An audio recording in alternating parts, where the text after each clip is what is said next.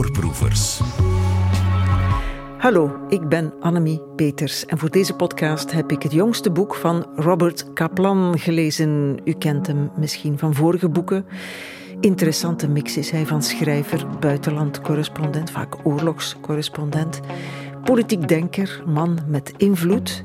En ik moet toegeven, ik had nog nooit een boek van de man gelezen, maar nu dus wel. De geopolitieke tragedie heet zijn jongste.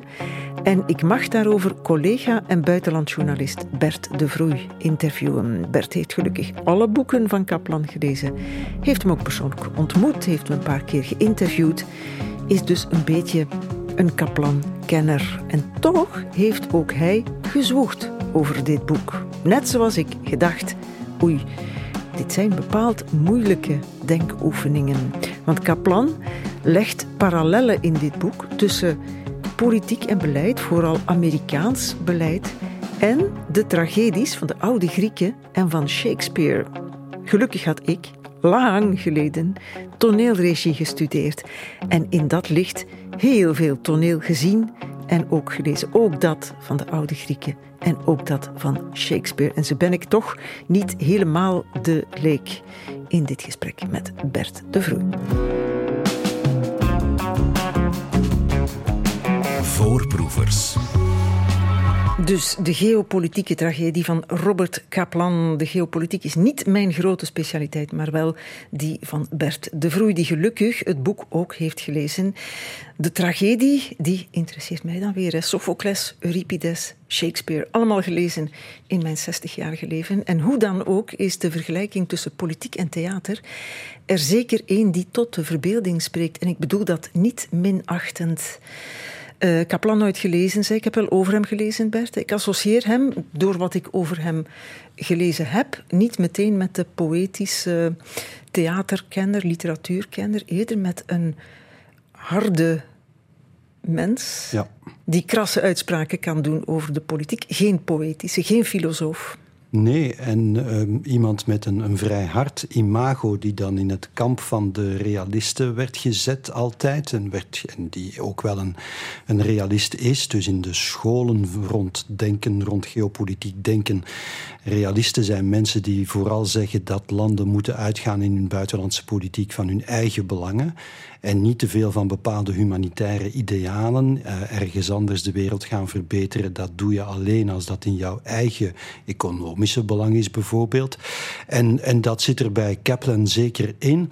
Maar ik heb toch de indruk in dit boek, De Geopolitieke Tragedie, dat dat realisme een beetje een andere invulling krijgt. Eerder moet begrepen worden als als je humanitaire idealen nastreeft, of grote idealen, je wil ergens ingrijpen in de wereld, of je wil gewoon, um, ook als je zelf voor je eigen land bepaalde grote oorlogen start bijvoorbeeld, denk na over de mogelijke mislukkingen die eraan verbonden kunnen zijn, de tragische gevolgen. Denk tragisch, leer op voorhand te bedenken wat de risico's zijn.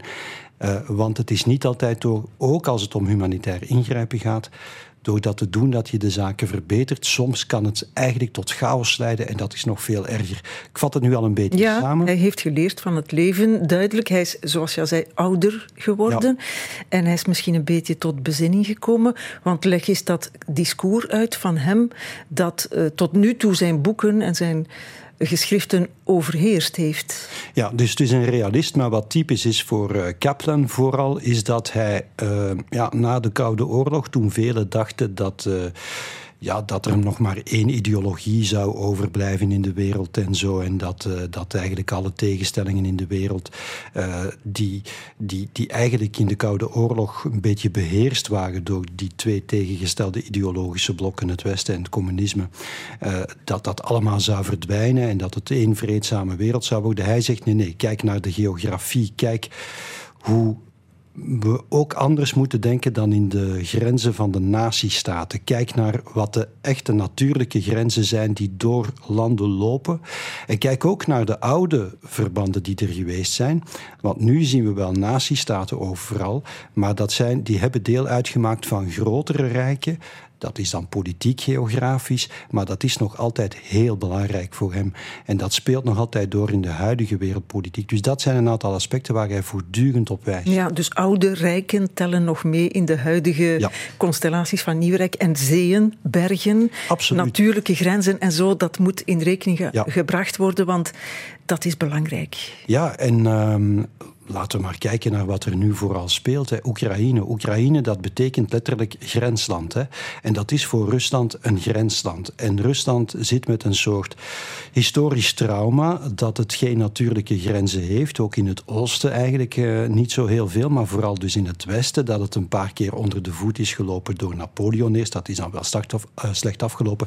En ook door uh, Nazi-Duitsland. En dat is een soort historisch-geografisch trauma voor de Russen en Oekraïne Oekraïne is die, dat grote, ja, uitgestrekte, vlakke land waar je zo kan doorlopen naar uh, Rusland. En dus Oekraïne is de, de, de strategie van Rusland is altijd geweest door de eeuwen heen om die grensgebieden eh, ja, eigenlijk eh, te gaan controleren als bufferstaten, zodat het eigenlijke Russische Rijk of het kern-Russische Rijk niet zou bedreigd worden. En dat vergeten we en dat speelt dus nu ook mee. Die geografie van Oekraïne speelt mee in het hele denken van Poetin. En hij heeft vandaag nog een uh, fameuze speech gegeven en zo. Dat mogen we niet vergeten. Maar ook heel simpele dingen soms. Als ik je nu zou vragen, Montenegro, klein landje in de Balkan, is. Is eigenlijk een van de laatste landen die lid zijn geworden van de NAVO. Waarom? Waarom was dat voor de NAVO zo belangrijk om dat ja, armlastige landje Montenegro erbij te hebben, denk je? Ik moet daar niet op antwoorden. Hè. Laat Kaplan daar maar op Wel, antwoorden. Dan zegt uh, Kaplan, kijk naar de kaart en dan zie je dat Montenegro een land is met een kustlijn aan de Middellandse Zee. Montenegro werd ook het hof gemaakt door Rusland.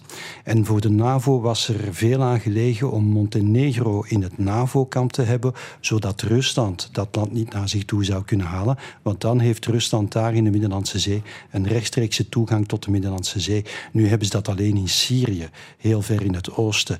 Dat zijn allemaal van die dingen waar je, die worden ook zelden hardop gezegd als de NAVO het heeft over ja, uitbreiding van de democratische zone en zo. Het gaat over harde geografische feiten. Want in, in feite zegt hij, we hebben te enthousiast gevonden dat Oekraïne bij Europa moet horen. Dat is toch wat ik begrijp? Hè? Ja, ja, hij zegt juist omwille van die gevoeligheid uh, en, en het belang, het, het geografisch-strategische belang van Oekraïne voor Rusland, onderschatten wij die Russische gevoeligheid, zegt hij.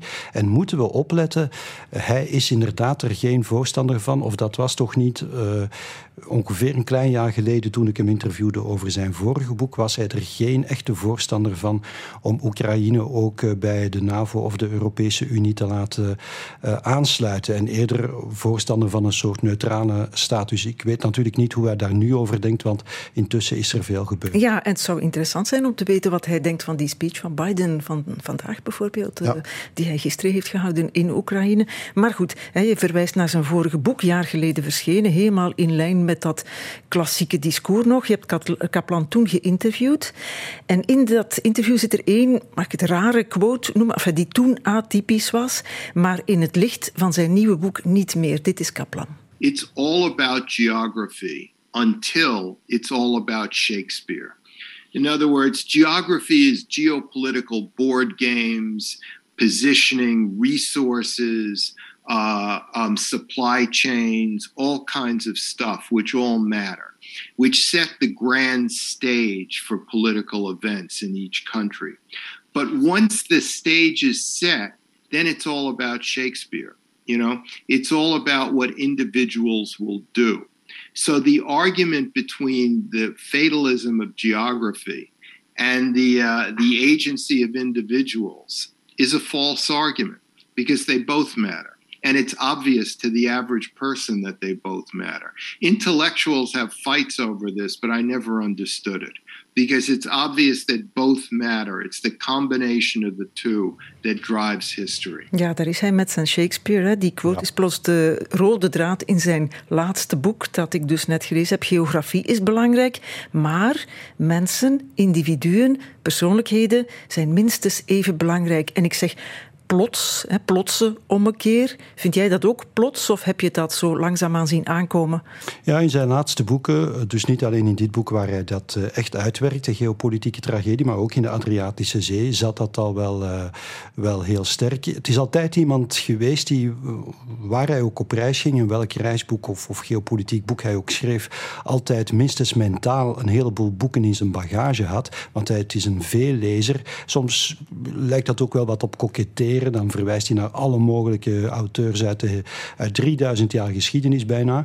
Um, maar de, in zijn laatste boeken zijn dat niet meer alleen de geopolitieke denkers die hij citeert, of Thucydides of zo uit, uit de Griekse oudheid, um, maar zijn dat ook dichters en zijn dat echt schrijvers, romanschrijvers. En dat is echt wel een evolutie die, die je ziet. Misschien omdat hij ouder wordt, beschouwender, uh, af, ja, wat dat betreft filosofisch. Ja, romanschrijvers, toneelschrijvers ook. Toneelschrijvers. Heel veel over de tragedie en de tragische helden die hij, waarvan hij vindt dat een goede leider, een goede politieke leider, een tragische held hoort te zijn. Een tragische denker hoort te zijn.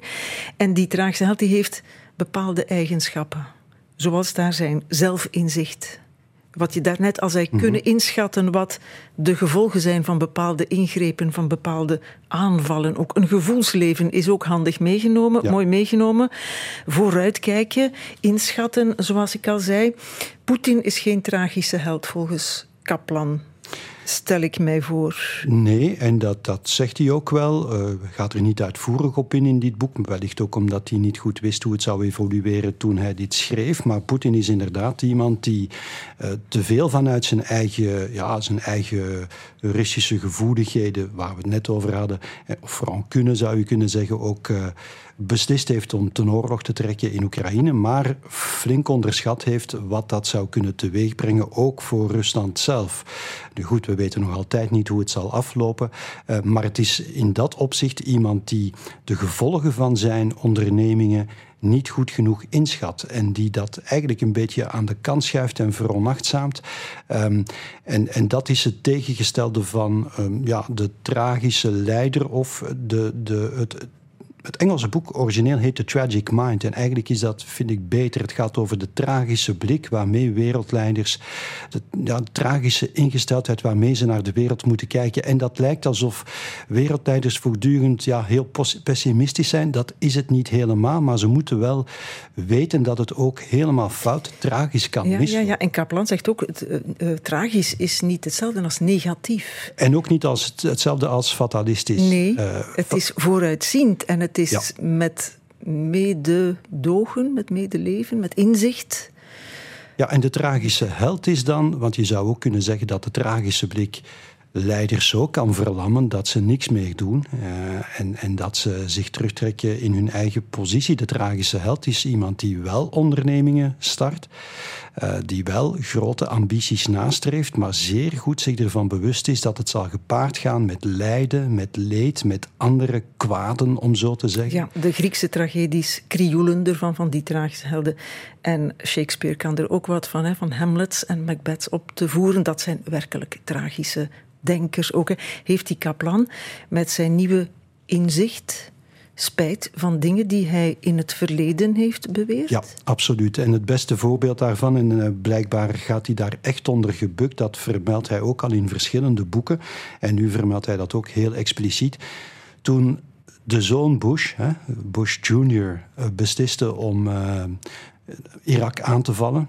Het gaat niet zozeer over Afghanistan, maar vooral de aanval tegen Irak in 2003. Toen uh, steunde Robert Kaplan dat. Want hij, had ook, hij was als, als, correspondent gewerkt in uh, Irak onder Saddam Hussein, een van, de, een van de ergste regimes die hij ooit gezien heeft. En hij heeft nogal wat gereisd, dus hij vond het een verschrikkelijk akelig regime. En daarom steunde hij ook de intentie van Bush om dat regime omver te werpen. En hij had ook het gezag om die intentie van Bush te steunen. Hij werd als adviseur gevraagd ja, ook. Hij, uh, hij was, en, en, het is iemand die, die echt al decennia door zijn publicaties en zo erkend is als, als iemand met, met een belang, belangrijke stem, belangrijk advies en die in het wereldje van de denktanks en zo in de Verenigde Staten heel sterk meedraait. Maar hij steunde dat dus en hij heeft gezien hoe het is afgelopen, waarop het is uitgelopen. Complete chaos. Ja. En daar hebben we nog heel lang de gevolgen en eigenlijk nu nog, maar ook IS en zo en de terreur uh, in Europa, de terreur die we ook in België hebben gehad. Je kan wel zeggen, je kan een, een, een rechte lijn trekken tussen de inval van Bush in Irak en wat we allemaal in Europa aan jihadisme en zo hebben meegemaakt. IS, Islamitische Staat in Syrië en Irak. Uh, en dus hij zegt chaos. En dat vind ik een heel sterk standpunt. En ik weet zelfs niet of ik er in alle omstandigheden mee akkoord zou zijn. Maar Kaplan zegt: het ergste regime is nog niet zo erg als totale anarchie. Nu, hij heeft wel wat anarchie gezien, ook in West-Afrika bijvoorbeeld in de jaren 90. Herinner je Liberia, Sierra Leone, die compleet maffe uh, guerrilla-bewegingen, die, die, die geweldig gewelddadig waren. En zo, hij heeft daar verslag uitgebracht. Hij heeft wat anarchie gezien in zijn loopbaan. En dat is wat hem nog het meeste angst aanjaagt, zegt hij. Um, en dus chaos is erger ja. dan de ergste orde. En Bush Jr.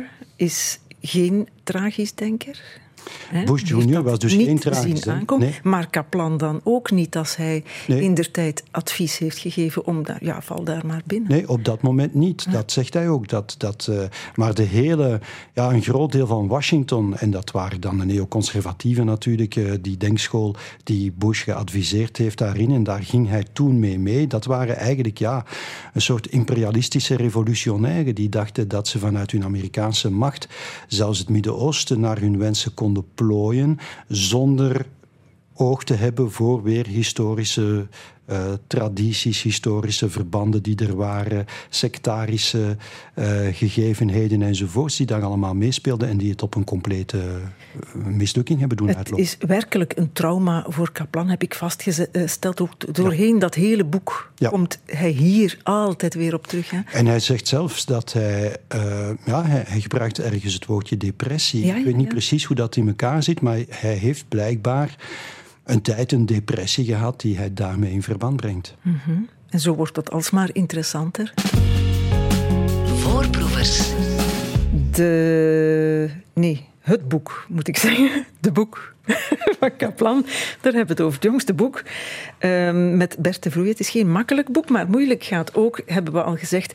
En uh, laten we nog even zijn discours, of moeten we dat nog samenvatten? Nee, nee, dat hebben we al lang en breed gedaan natuurlijk. Hè. De geografie die zo belangrijk is in de gebeurtenissen in de wereld en in de politiek, maar ook de mensen, de tragische helden die in die geografie en in die historiek figureren. Net zoals ze dat doen in de oude Griekse tragedies.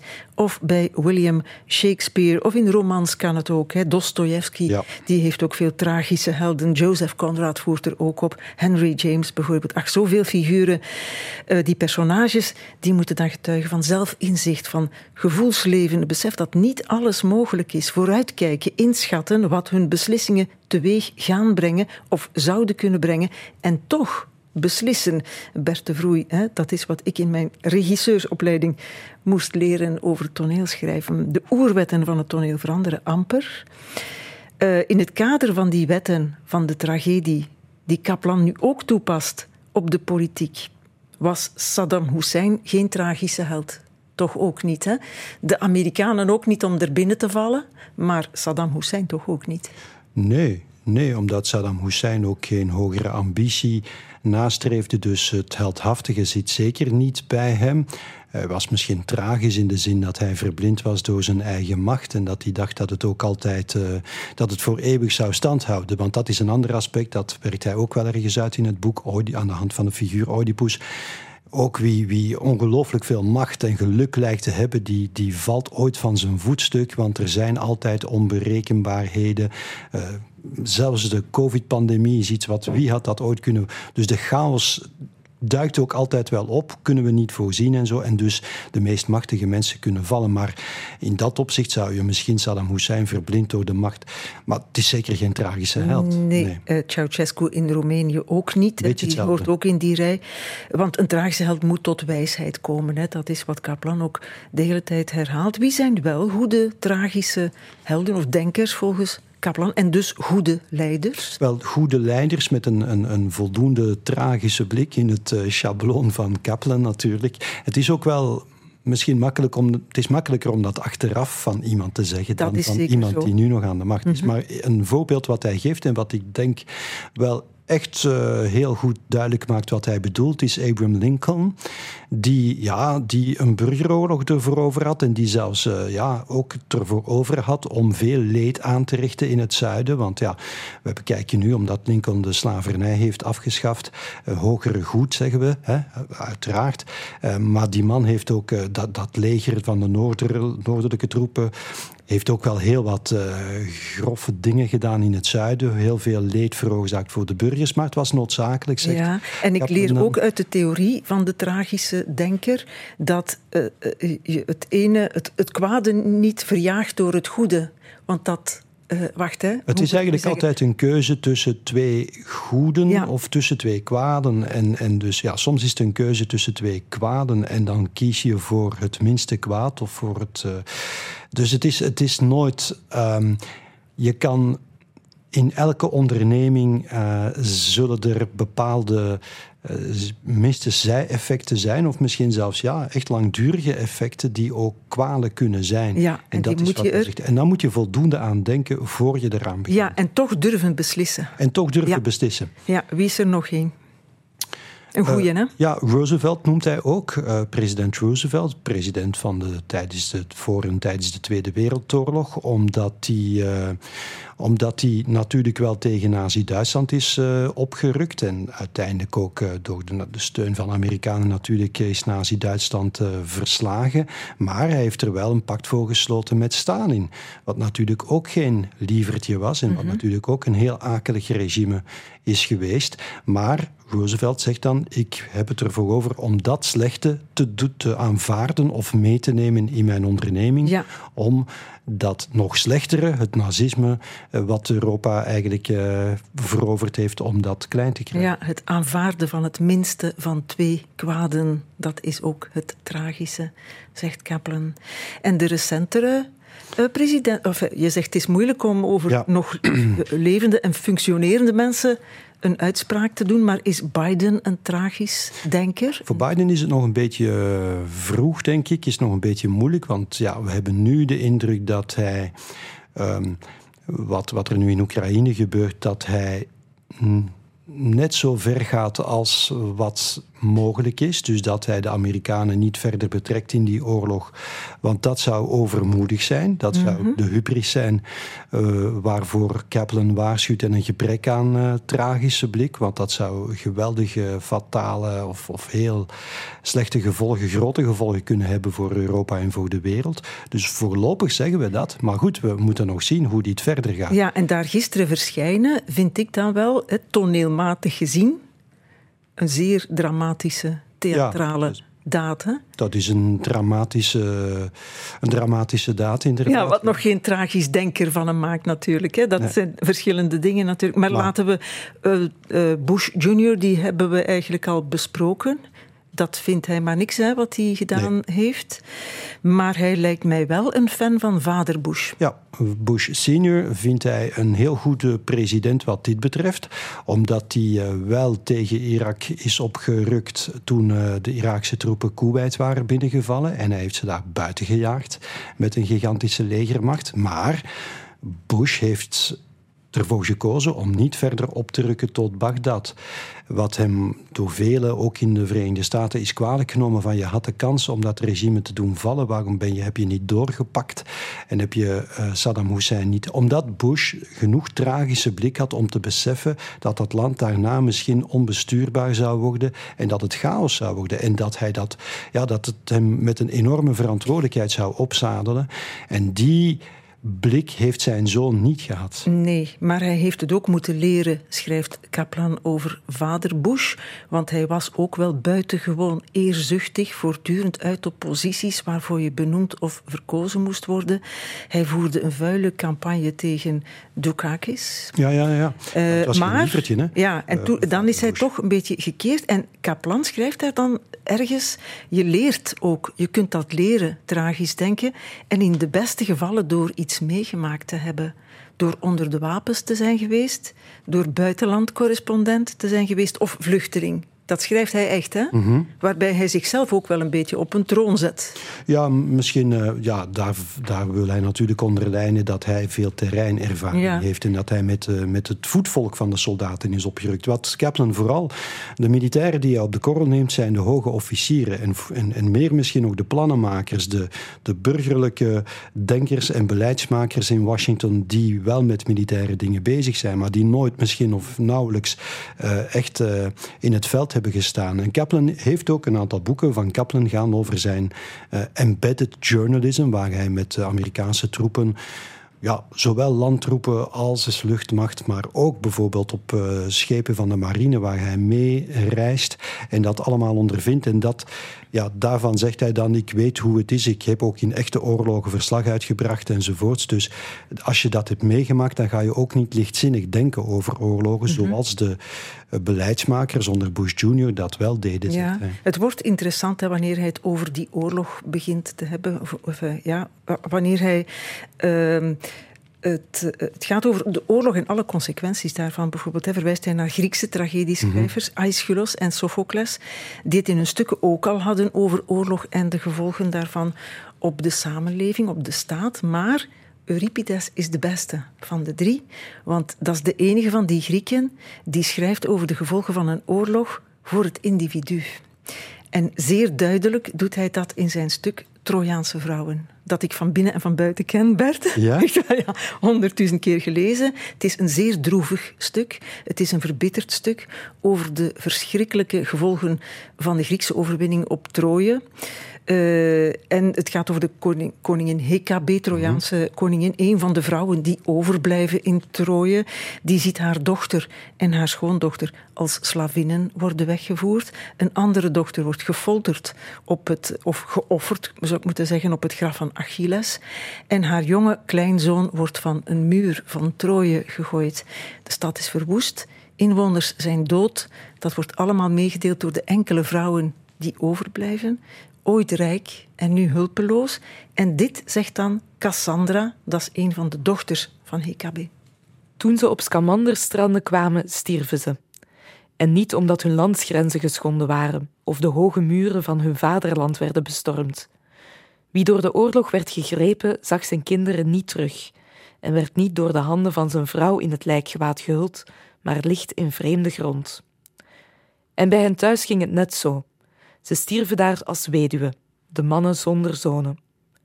Natuurlijk, wie goed bij zijn verstand is, zal een oorlog steeds vermijden. Babette Mone speelde voor de gelegenheid Ja. Cassandra. Maar dat zou elke vluchteling uit oorlogsgebied kunnen uitroepen, schrijft Kaplan. Dat meteen naar nu trekkend. Ja, dat is waar. En waar hij het daarover heeft, lijkt het alsof hij blijk heeft van veel empathie. En in die tragische blik moet ook, uh, zou je kunnen zeggen, de nodige empathie. Dat is een woord wat ik nu gebruik, dat gebruikt hij niet. Uh, maar zou ook de nodige empathie moeten zitten voor wat gewone burgers meemaken en wat de gevolgen zijn voor gewone burgers uh, van, van een bepaalde onderneming. Iets wat Poetin duidelijk niet heeft gehad. Ook niet voor zijn eigen burgers, zou je kunnen zeggen. Want er zijn al honderdduizenden, of toch wellicht meer dan 100.000 Russische soldaten gesneuveld. Um, en dus um, dat is een aspect waar hij op wijst. Maar ik ga er toch meteen bij zeggen dat ook nu, zelfs na het schrijven van dit boek, dat niet betekent dat Kaplan een pacifist is. Kaplan blijft er wel van overtuigd dat militair ingrijpen in sommige omstandigheden wel nodig is, als het het minste kwaad is. Ja, ja. En als je goed kunt inschatten dat dat het minste kwaad is. Als degene die de beslissing neemt een tragische denker is. Want hij schrijft ook erg, ergens... Uh, die Amerikaanse soldaten, dat leger waar hij zo vaak mee opgetrokken is... dat zijn vrijwilligers, al twee generaties lang vrijwilligers... die weten niet wat oorlog is. Die nee. hebben geen gevechtservaring. die weten niet wat oorlog teweeg brengt. Nu, soldaten moeten niet beslissen natuurlijk, maar hij zegt ook, intellectuelen zonder ervaring weten dat ook niet, die die beslissingen nemen. Eén keer die vrijwilligersmilitairen een aantal jaren gediend hebben, en zeker als ze in het buitenland, buitenlandse operaties gediend hebben, dan heeft hij er wel respect voor ook. Dan zegt hij dat zij veel beter begrijpen wat er, eh, wat er in een bepaald land speelt dan de beleidsmakers in het Pentagon of het State Department in, uh, in Washington. Um, maar hij zegt inderdaad dat er soms te lichtzinnig gedacht wordt over oorlog. Maar het betekent niet dat hij in alle omstandigheden tegen oorlog is. En om, opnieuw, om het misschien even terug te koppelen naar Roosevelt. Je zou, dat is misschien ook het beste voorbeeld, ja, overwinning op Nazi-Duitsland. Um, werd gezien als, als belangrijker, als een hoger goed dan vrede. Uh, en dat zijn bepaalde, dat zijn heel pijnlijke, bijna tragisch moeilijke beslissingen die je moet nemen. Want mm -hmm. je mhm. moet erbij nemen dat er honderdduizenden de dood worden ja, jaar maar hij om verwijst, dat te bereiken. Hij verwijst ook naar de zomer van 2021, naar de terugtrekking van de Amerikanen uit Afghanistan door Biden. En toen bleek dat in die twintig jaar Amerika niks had opgebouwd nee. in Afghanistan. Vandaar dat Biden het wou corrigeren ja. door de weg te trekken. Mm -hmm. Alleen had hij dan dat wegtrekken weer niet Nee, genoeg ingeschat. anders moeten ins in, in, zekere zin was het een correctie op een gebrek aan tragisch denken ja. van de Amerikanen. Ja. Die dachten, we gaan Afghanistan wel even uh, daar een democratie van maken. Mm -hmm. Plooien naar, westerse, naar een westers model. Dat is compleet mislukt. Biden is tot dat inzicht gekomen. Uh, Obama heeft dat eigenlijk ook al wel geprobeerd. Biden heeft gezegd, we maken er korte metten mee en we zijn er weg. En dat had hij dan weer niet tragisch genoeg ingeschat. Om dat soort stoten te vermijden, moeten we Euripides lezen, hè Bert? Kaplan zegt, anders gaan beroepscommentatoren van wie er nogal veel universitaire studies gedaan hebben, maar die te weinig levenservaring hebben, te luchtig denken over oorlog en dan wordt elk jaar 1939 en dan is elke tegenstander Hitler. Is dit een sneer naar journalisten? Hij is uh, zeker niet mals voor journalisten die te makkelijk meegaan in de waan van de dag of in een bepaald uh, discours voor of tegen een oorlog of voor een, een, een humanitair ingrijpen en zo. Daar is hij zeker niet mals voor. Uh, ja, en journalisten natuurlijk, net als, als beleidsmakers, hebben ja, hebben soms ook misschien niet genoeg tragisch inzicht of tragische blik, zoals hij dat noemt. Mm -hmm. Het vooruitkijken naar wat er zou kunnen gebeuren als je ingrijpt. Toen ik jou vooraf sprak, deed je een suggestie om iemand te laten horen, een mm -hmm. journalist, die dat wel had, deze. Het gaat van kwaad naar erger. Eén jaar na de val van Saddam Hussein beleeft Irak de meest moordende maand van het hele conflict. Washington en Londen hadden het zich anders voorgesteld. De invasie zou een zondagswandeling worden, zoals gezegd. Saddam zou van zijn sokkel tuimelen. Irak een modeldemocratie worden, een lichtend voorbeeld voor de regio. En de buitenlandse investeerders zouden drummen om de Iraakse rijkdommen te exploiteren en een gouden tijdperk in te luiden van vrijheid en welvaart. Al tijdens de invasie bleek dat een misrekening. Dat paste natuurlijk in het kraam van Kaplan, ook met als wijlen Jeff Lambrecht. Ja. Hij is wel een tragisch denker, journalist dan? Ik denk dat. Uh, ik ken geen andere journalist rond buitenlands politiek die uh, zo goed beantwoordt aan wat Kaplan voor ogen staat. Voor journalisten dan een tragische blik waarbij je ook vertrekt van de, wat hij daar straks al vermeldde, de historische context, de historische tradities, eh, de ruimere verbanden, de geografie ook, daar had chef ook veel oog voor, mm -hmm. uh, om in te schatten wat de mogelijke gevolgen kunnen zijn van, uh, van een onderneming. Ik ga je iets vertellen, Annemie, wat ik nog altijd wel leuk vind als herinnering. 2003. Bush maakte zich klaar om Irak aan te vallen en Jeff en ik hadden een weddenschap afgesloten. Jeff zei, hij gaat dat nooit doen. Hij durft dat niet, hij gaat dat nooit doen. Want zijn vader zou dat ook niet gedaan hebben. En die adviseurs van Bush senior en zo, die hebben toch nog wel invloed op uh, Bush junior. Jeff dacht tragisch. Jeff dacht, zoals Bush senior, volgens Kaplan ook een tragische blik had genoeg om geen vergissingen te begaan of om op tijd te stoppen. Uh, hij dacht dat Bush junior dat ook zou hebben. En ik zei, hij gaat het wel doen mijn vergissing was dat we er een, een bepaalde deadline hadden opgezet. Dus voor een bepaalde datum hadden we gezegd: valt hij binnen? Als hij dat doet, dan win ik en anders won Jeff. Dus voor die bepaalde datum viel hij niet binnen. Dus ik heb Chef een fles champagne moeten, moeten cadeau doen. Hij is daarna wel binnengevallen. Dus ja, uiteindelijk kreeg ik gelijk. Maar ik denk dat het juist was omdat Chef ervan uitging dat die Amerikaan, dat Amerikaanse establishment voldoende tragische blik had, om het in de woorden van Kaplan te zeggen, dat hij er zo van overtuigd was dat het niet zou gebeuren. En uh, in die periode was de tragische blik compleet zoek. De Amerikanen waren zot van glorie na de val van, uh, van de Sovjet-Unie. En dan komt daar nog bij dat neoconservatieve ideaal van we gaan de wereld even plooien naar onze democratische instellingen, naar Amerikaanse snit, wat een complete overschatting was. Hybris, hè, ik heb het al gezegd, zit ook in het boek van Kaplan. Hè. En ja, dat maar Jeff was iemand die, die absoluut die ruimere, tragische blik had. Ja, en dat moet nog doorgegeven worden ook hè, aan journalisten, aan jonge journalisten natuurlijk. Waar ziet Kaplan huidige of toekomstige uitdagingen wat dat tragische denken betreft? Ja, dat is een beetje op het einde van zijn boek dat hij waarschuwt van hoe, hoe, hoe groot de inzet wordt van al dan niet tragisch denken, van juiste of geen juiste beslissingen. Want de confrontaties die er nu aankomen, het gaat niet meer over ingrijpen in de oorlog in Joegoslavië, waar Clinton mee te maken had, of ingrijpen in het Midden-Oosten, wat, wat gigantische, ja, ook wel mondiale gevolgen heeft gehad. Maar nu gaat het over confrontaties die er dreigen aan te komen tussen grootmachten nucleair bewapende grootmachten, de Verenigde Staten, Rusland en China vooral. En daar moet je echt heel erg uitkijken voor misrekeningen, voor hybris, voor overmoed, voor hoogmoed. Moet je rekening houden met elkaars gevoeligheden. Daar waarschuwt hij heel sterk voor. En uh, het klinkt niet echt uh, heel optimistisch wat hij daarover uh, nee, zegt. meer dan ooit zullen we tragische denkers nodig hebben, schrijft hij ook. Hè? Maar de Amerikanen kunnen dat niet, schrijft hij ook. En dat klinkt akelig, want die denken onhistorisch. En dan komt hij toch terug bij zijn geografie. Want dan zegt hij, die zijn omgeven door oceanen. En ja. die hebben weinig last van wat ze veroorzaken. Dat is hij rekent 9-11 natuurlijk even niet mee. Dat is waar. Dat, dat, inderdaad, daar zijn ze natuurlijk wel even uh, in het hart geraakt.